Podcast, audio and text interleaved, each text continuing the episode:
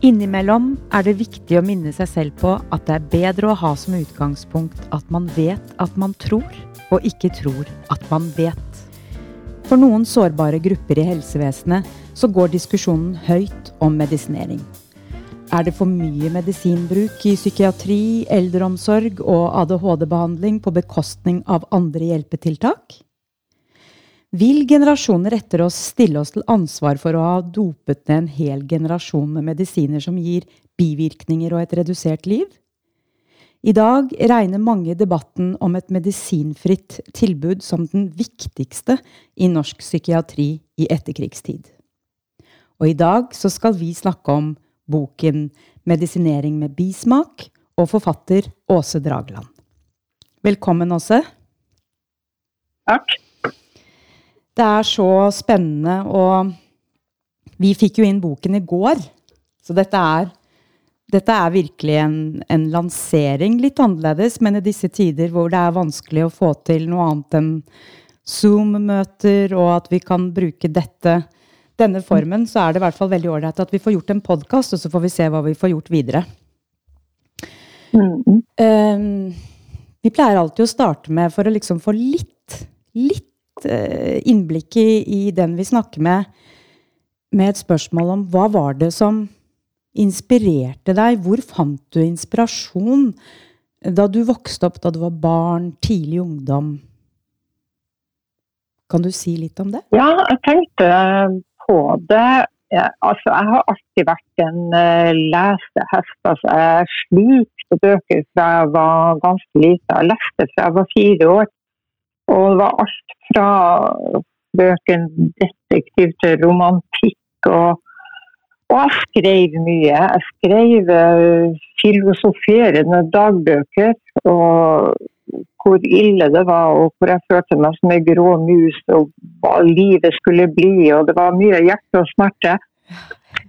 Så jeg tror liksom den der lesinga og skrivinga det har vært med meg hele tida. Men så er det jo selvfølgelig sånn at jeg vokste opp uh, på landet og det å være ute og være ute i naturen og, og leke både i fjæra og i skogen, det var òg en stor del av livet mitt som lita. Mm.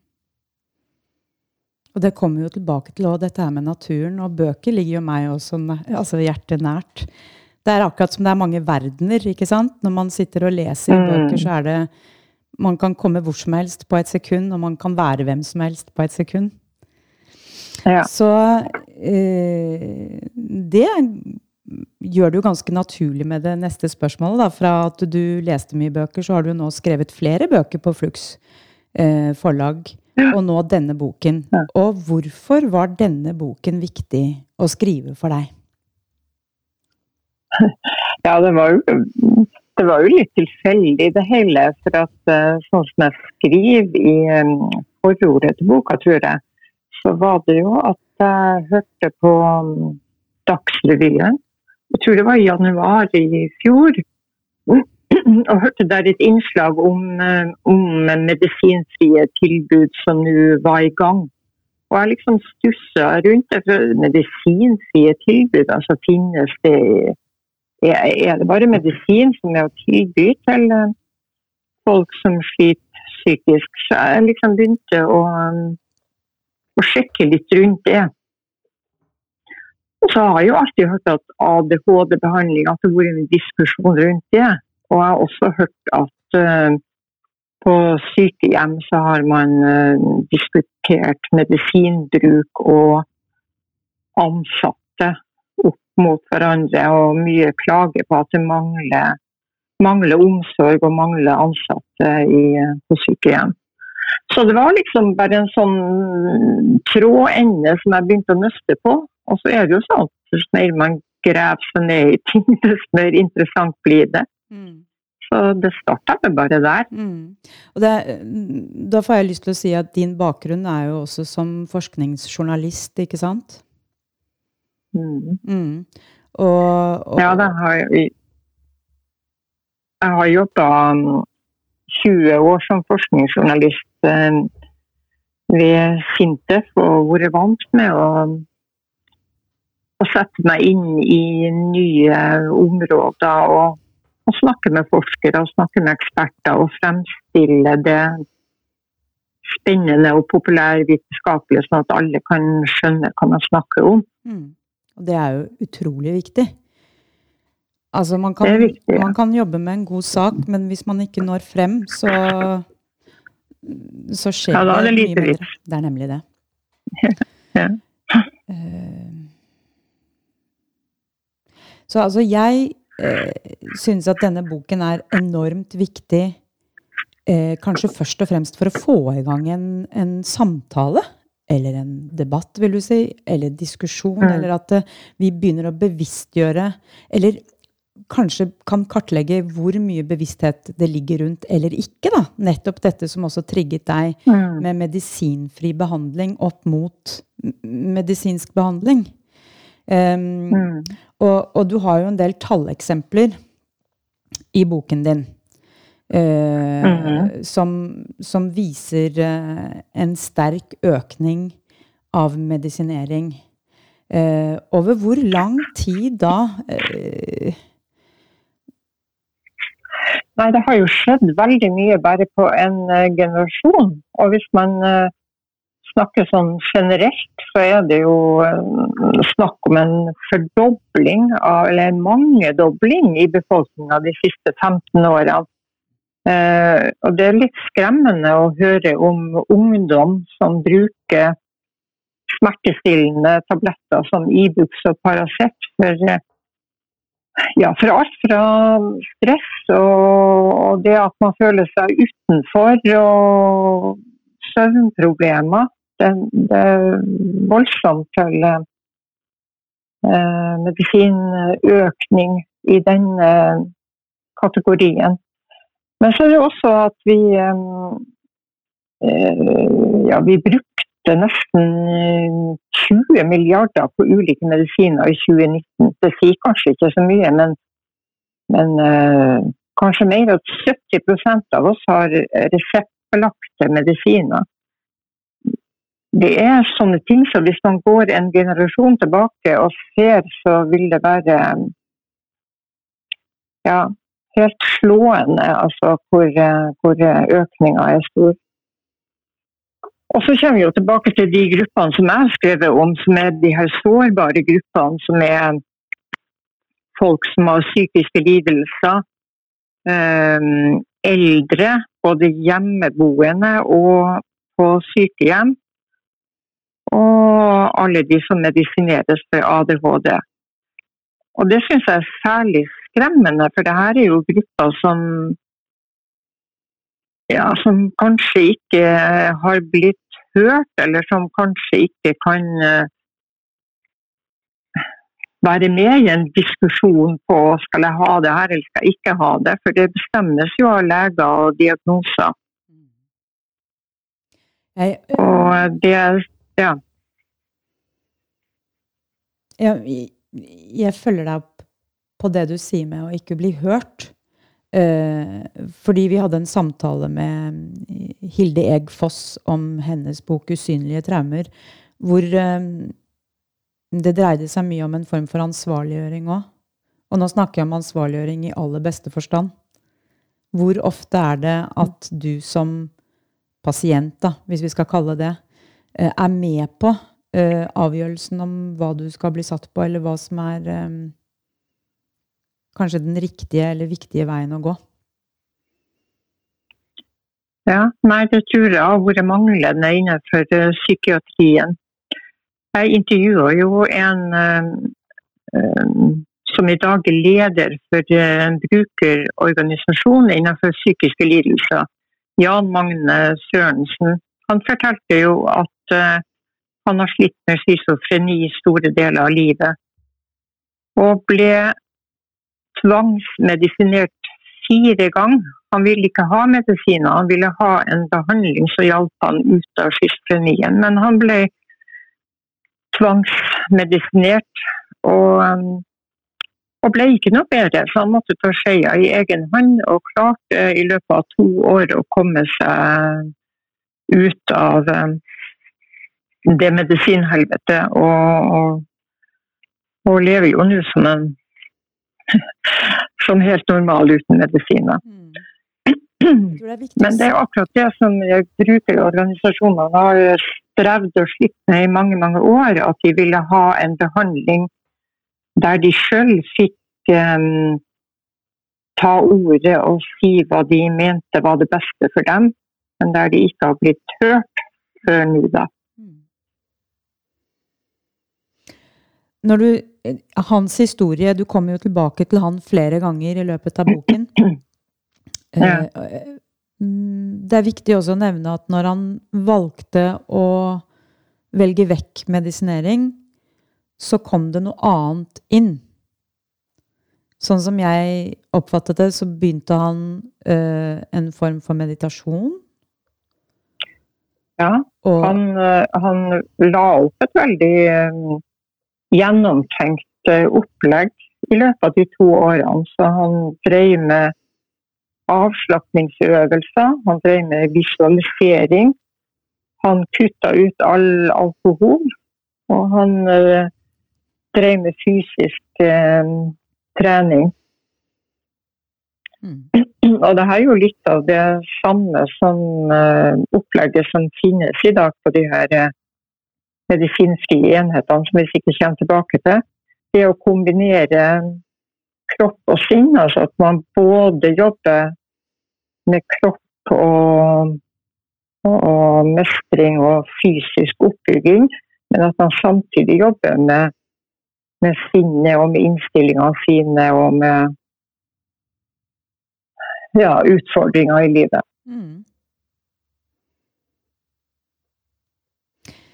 Psykiatere og psykologer Du skriver også noe om at det foregår en profesjonskamp. Kan du si litt mer Ja, om det? det var, ja, det var noe jeg ble klar over i løpet av uh, jobbinga med boka her, at det, det er tydeligvis um, to grupper som står mot hverandre i Helse-Norge. Og det er psykiatere på ene sida og psykologer på andre sida. Psykologene har en utdannelse, og de har en oppfatning av at følelser tilhører mennesket sjøl, og at man da må gå inn i og bli kjent med mennesket for å kunne behandle det. Mens psykiatere har en legeutdannelse, de er utdanna innenfor medisin. Og de eh, ser på en psykisk lidelse på samme måte som de ser på tuberkulose eller kreft eller eh, Ja, de er ute etter fysiske årsaker til sykdommen. Mhm. Og denne oppfatninga har blitt dominerende de siste årene i Norge. Så sånn som jeg hører deg da ja. Altså, mm, da hører jeg at psykiatere eh, Det er viktig å understreke at jeg, jeg er bare veldig nysgjerrig på dette, men det vil da si at psykiatere vil eh, fortere ty til å sette deg på medisin? Kan man si det sånn? Ja. Mhm. Ja.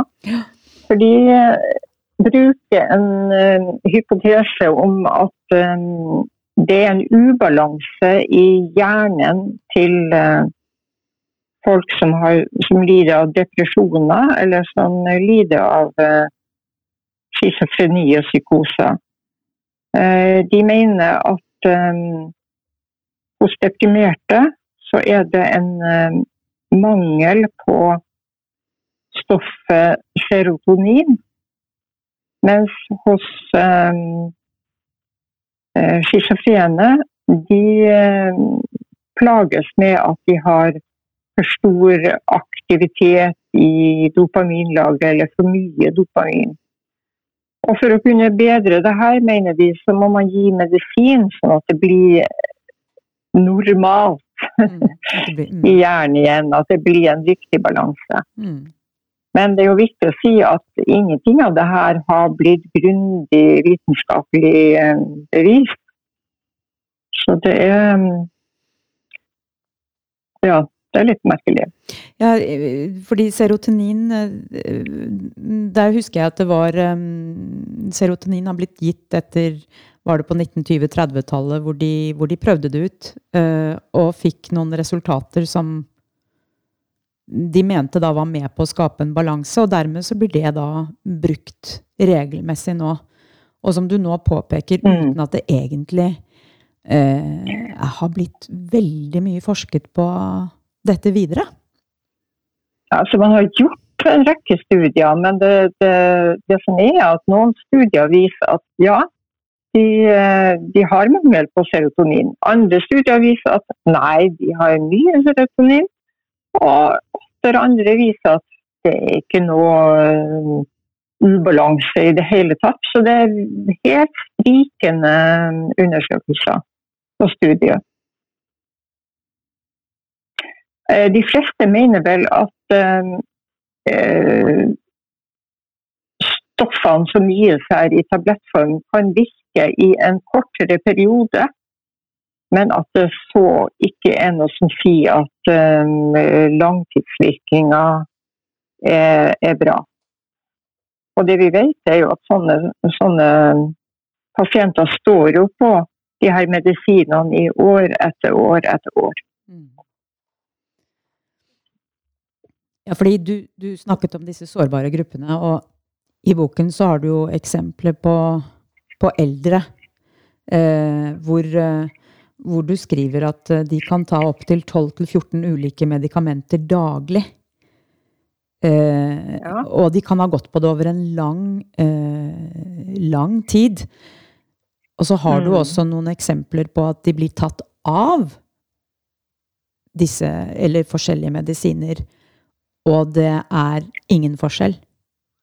Altså Nei. Det vil si at de hadde ikke trengt å gå på disse medisinene. Kanskje de hadde trengt det i en kort periode, som du sier, men så blir de gående på det år etter år. Ja. ja. Og jeg, jeg, det, jeg altså hvordan, hvordan, har det blitt sånn? Og jeg, vil ikke at, jeg er ikke ute etter at du skal ha svaret på dette. Men det er et veldig mm -hmm. viktig spørsmål. Ja. Ja, det er jo det. Og jeg har ikke de uh, tallene foran meg, men jeg vet jo at uh, det som har vært etterlyst i lengre tid på sykehjem, det er jo at man har en gjennomgåing av medisinene som brukes. Jeg tror det skal være årlig. Um, men det skjer ikke, og det, da må man jo komme inn på det her med økonomi og kommuneøkonomi og ansatte. Det mangler jo ikke på leserinnlegg i avisene som gang på gang kritiserer det her med at det er for få ansatte på, på sykehjem. Mm. Og dermed har man heller ikke kapasitet til å og kanskje gå gjennom medisinbruken. At en medisin som uh, sovemedisiner, som f.eks. brukes i stor grad på sykehjemmene, uh, ikke skal brukes i lengre tid, men at man likevel bare fortsetter med å, å bruke det. For at det er ja, det er liksom eh, sånn som sykepleierne har sagt i undersøkelser, at det er liksom en enklere og enklere måte å få, å få ro og stillhet på. Selv om de gjerne skulle ha vært flere ansatte og heller vist omsorg for å få til samme resultatet du har en i boken som du siterer direkte Hadde vi vært flere, hadde vi ikke trengt så mange beroligende piller, sier en ansatt mm. i eldreomsorgen. Ja, akkurat. Mm. Innledningsvis også så, så, sa du at nysgjerrigheten din ble vekket av uh, at du hørte noe om medisinfri behandling. Uh, kan, du, kan, du, si litt mer om hva, hva, hva, Hvordan ser det ut? Hva er det medisinfri behandling i dag i Norge? Ja, det er uh, små enheter som nå er oppretta i alle fire helseforetakene i Norge. Så Helse Øst og Helse Sør og hva det heter noe. Mm. Eh, her får pasienten sjøl bestemme, og han får han eller hun får hjelp til nedtrapping av medisiner. Og her er det samtaleterapi og trening og ulike aktiviteter. Det er musikk, og det er kunst, og det er yoga. Mm. Og flere av pasientene uh, uttaler nå i en sånn evalueringsrapport som kom jo like før jul, at de syns det er så positivt med den fine kombinasjonen av uh, med kropp og sinn. At de både får være på fjellturer og bruke kroppen sin, men også at de jobber med følelser. Mm. Jeg... Og de føler seg sett, og de føler seg hørt på en helt annen måte enn eh, der de har vært før. Jeg var um Eh, det er vel et par år tilbake, eller jeg ligger et år tilbake, så, så, var jeg så heldig å kunne samarbeide og jobbe på et sted som eh, fremdeles tilbyr til eh, folk som har eh, drevet med rus, eh, et tilbud som, som ikke ligger under LAR, da, som kalles for Som er forkortelsen for legemiddelassistert rehabilitering. Men, mm. og, det jeg ser, er at da opp Um, oppholder jo disse som ønsker da et medisinfritt uh, behandlingsopplegg, seg ett år på dette stedet. Og før så var det to. Og flere klager over at mm. ett år er for kort. Eh, og der er det mm. nettopp det at du, du, ansvarliggjøres med at du må være med på å holde hele stedet i gang. De har dyr, og de har uh, skogbruk. Eh, og de har også masse samtaler. Eh, mm. Og, og, jeg husker at eh, mange av dem sa at det med å bli satt på andre medisiner, ikke sant, det gjør bare at du fortsetter å, å være dopa, men på en annen måte. Og ikke minst, de som jobbet der, mente jo også at det var veldig vanskelig å kunne diagnostisere, i den forstand det er viktig, når folk går på øh, metadon eller altså, ikke sant, andre ting. For det blir vanskelig å lese også, ikke sant? Hvem du er som menneske når du går på medisiner. Mm. Ja.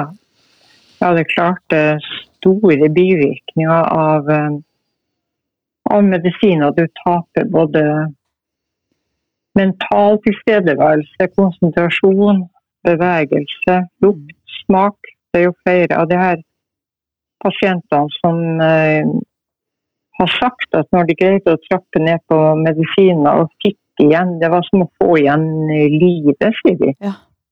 Der de tidligere bare har vandra rundt som en zombie. Mm. i livet. Men, men, jeg så også på Facebook-sidene våre så var det en som hadde lagt igjen nå en, eh, en melding under din bok. Eh, og det var et eller annet ikke sant, som gikk på Tenk deg om, om vi bare hadde fått lov til å snakke litt mer om hvordan vi har det mm. i møte med, ja. ikke sant? med, med helsevesenet da, på en eller annen måte.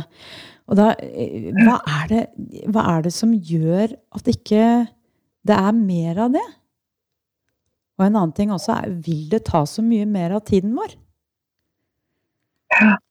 Nei, det, er, det har jo gått i bølger i, i Norge som i andre land, antar jeg. Det her med hvor stor vekt som har blitt lagt på terapi, og hvor stor vekt som legges på det fysiske, altså um, igjen medisinering. Så terapi og samtaleterapi var jo mye, sto jo mye sterkere på ja, jeg tror på 70-80-tallet. Um, så det vil vel svinge. Men uh, det er klart at uh, det å samtale om hvordan man har det, og hvordan, hva man må gjøre for å komme seg ut av de problemene man står oppi.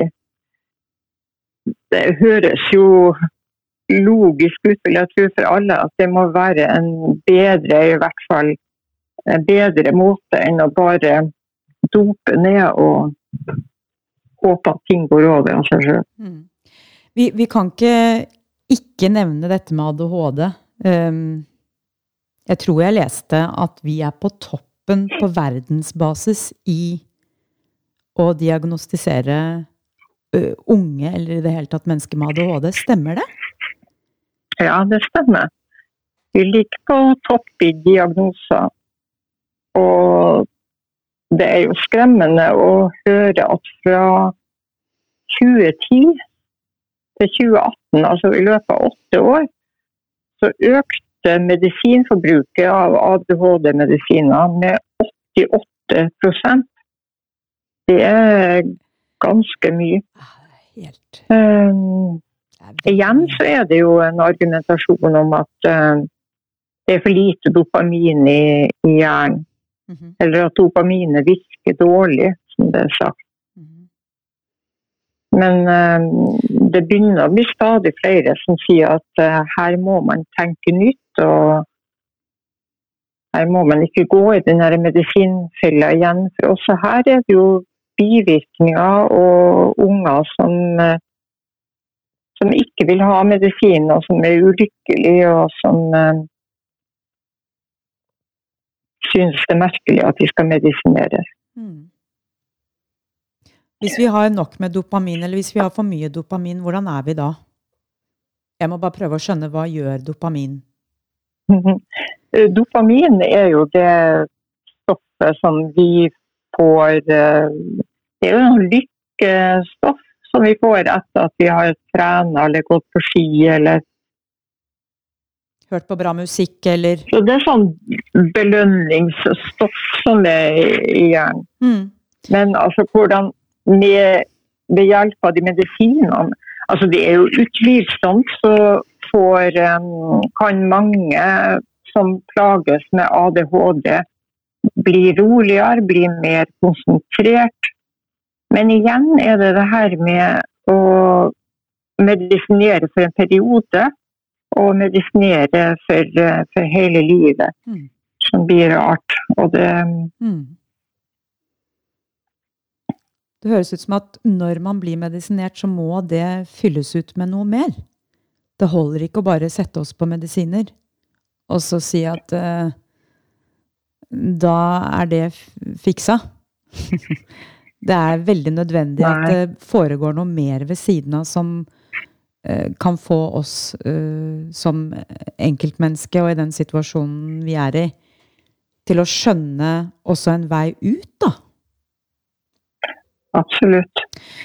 Det kan jo bli bare en sovepute, det å medisinere og fortsette med de medisinene man står på. Mm. Og som du også nevner Og det er jo det som er, og det er, jo det som er uh, tankevekkende, liksom. At det, hva gjør vi med de her menneskene? Som jeg nevner i, i boka mi, som, så var jo Lobotomering var jo vanlig i Norge på 50-60-tallet. At man kutta nervetråder i hjernen for å få pasientene rolig. Den gang var det helt akseptert. Vi hadde siste operasjon i 1974. Mm. Men um, i ettertid så kan vi se at det var helt galt. Og, og folk har jo fått pengesummer tilbake.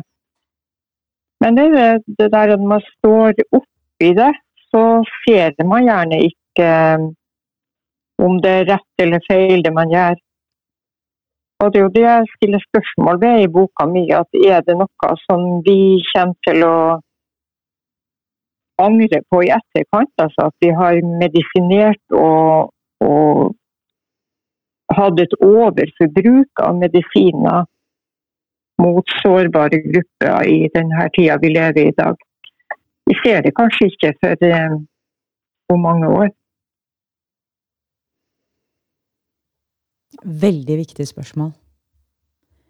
Jeg håper eh, mange vil lese denne boken, og jeg håper det vil eh, inspirere mange mennesker til å til å stille seg disse spørsmålene, altså. Og ikke nødvendigvis være ute etter et svar med en gang, men, men utforske. Og bevisstgjøre det som foregår nå. Mm.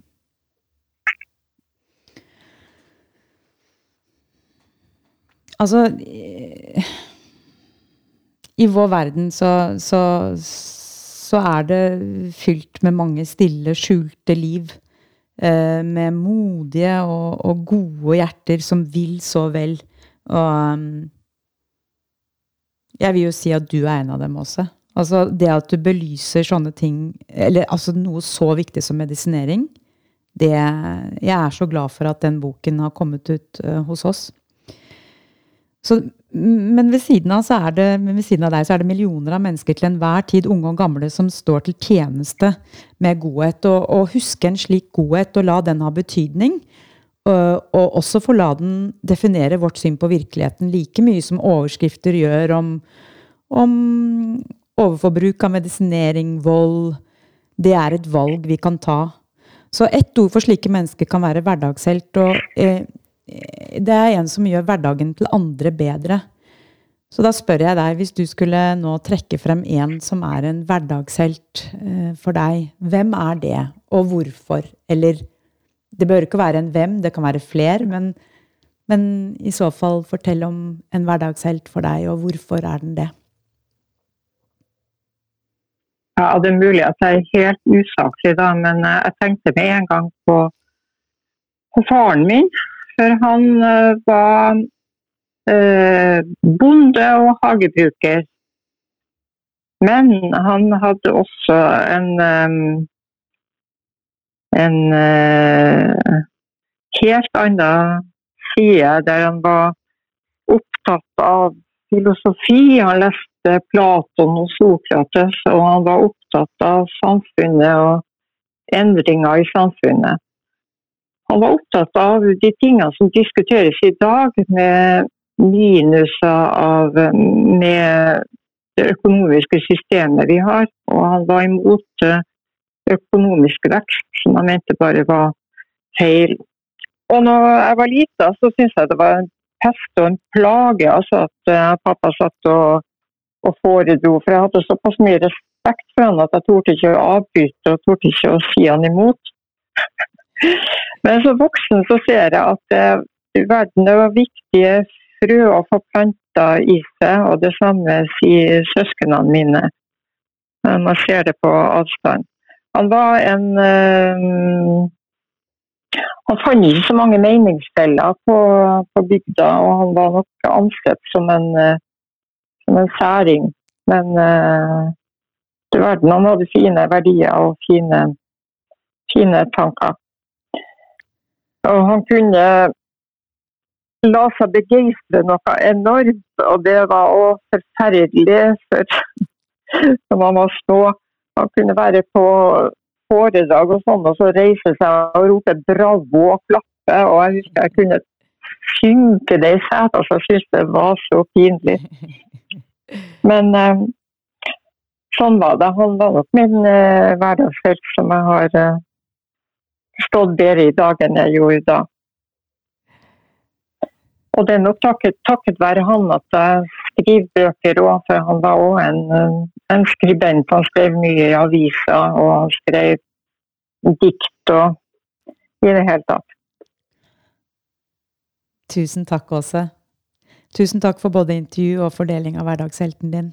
Det kan godt være at vi kommer tilbake til deg og denne boken, men for nå eh, Takk for denne Der falt jeg ut. takk for denne gang. ja, takk. ok. Jeg sier det bare eh, Tusen takk også for denne samtalen. Takk sjøl. Du har nå innimellom alle dagens gjøremål lyttet til noe som vi håper vil inspirere deg til å tenke litt annerledes. Lydtekniker til denne podkasten er Mathias Skjelland, og musikken du hører er laget av Olve Flakne spesielt til oss. I redaksjonen har du funnet ved siden av meg Sofie Kraft. Du kan lese mer om også vårt arbeid på flux.no. Der vil du finne mer informasjon om alle våre bøker, våre prosjekter og aktiviteter. Du kan også følge Flux forlag på Facebook og Instagram.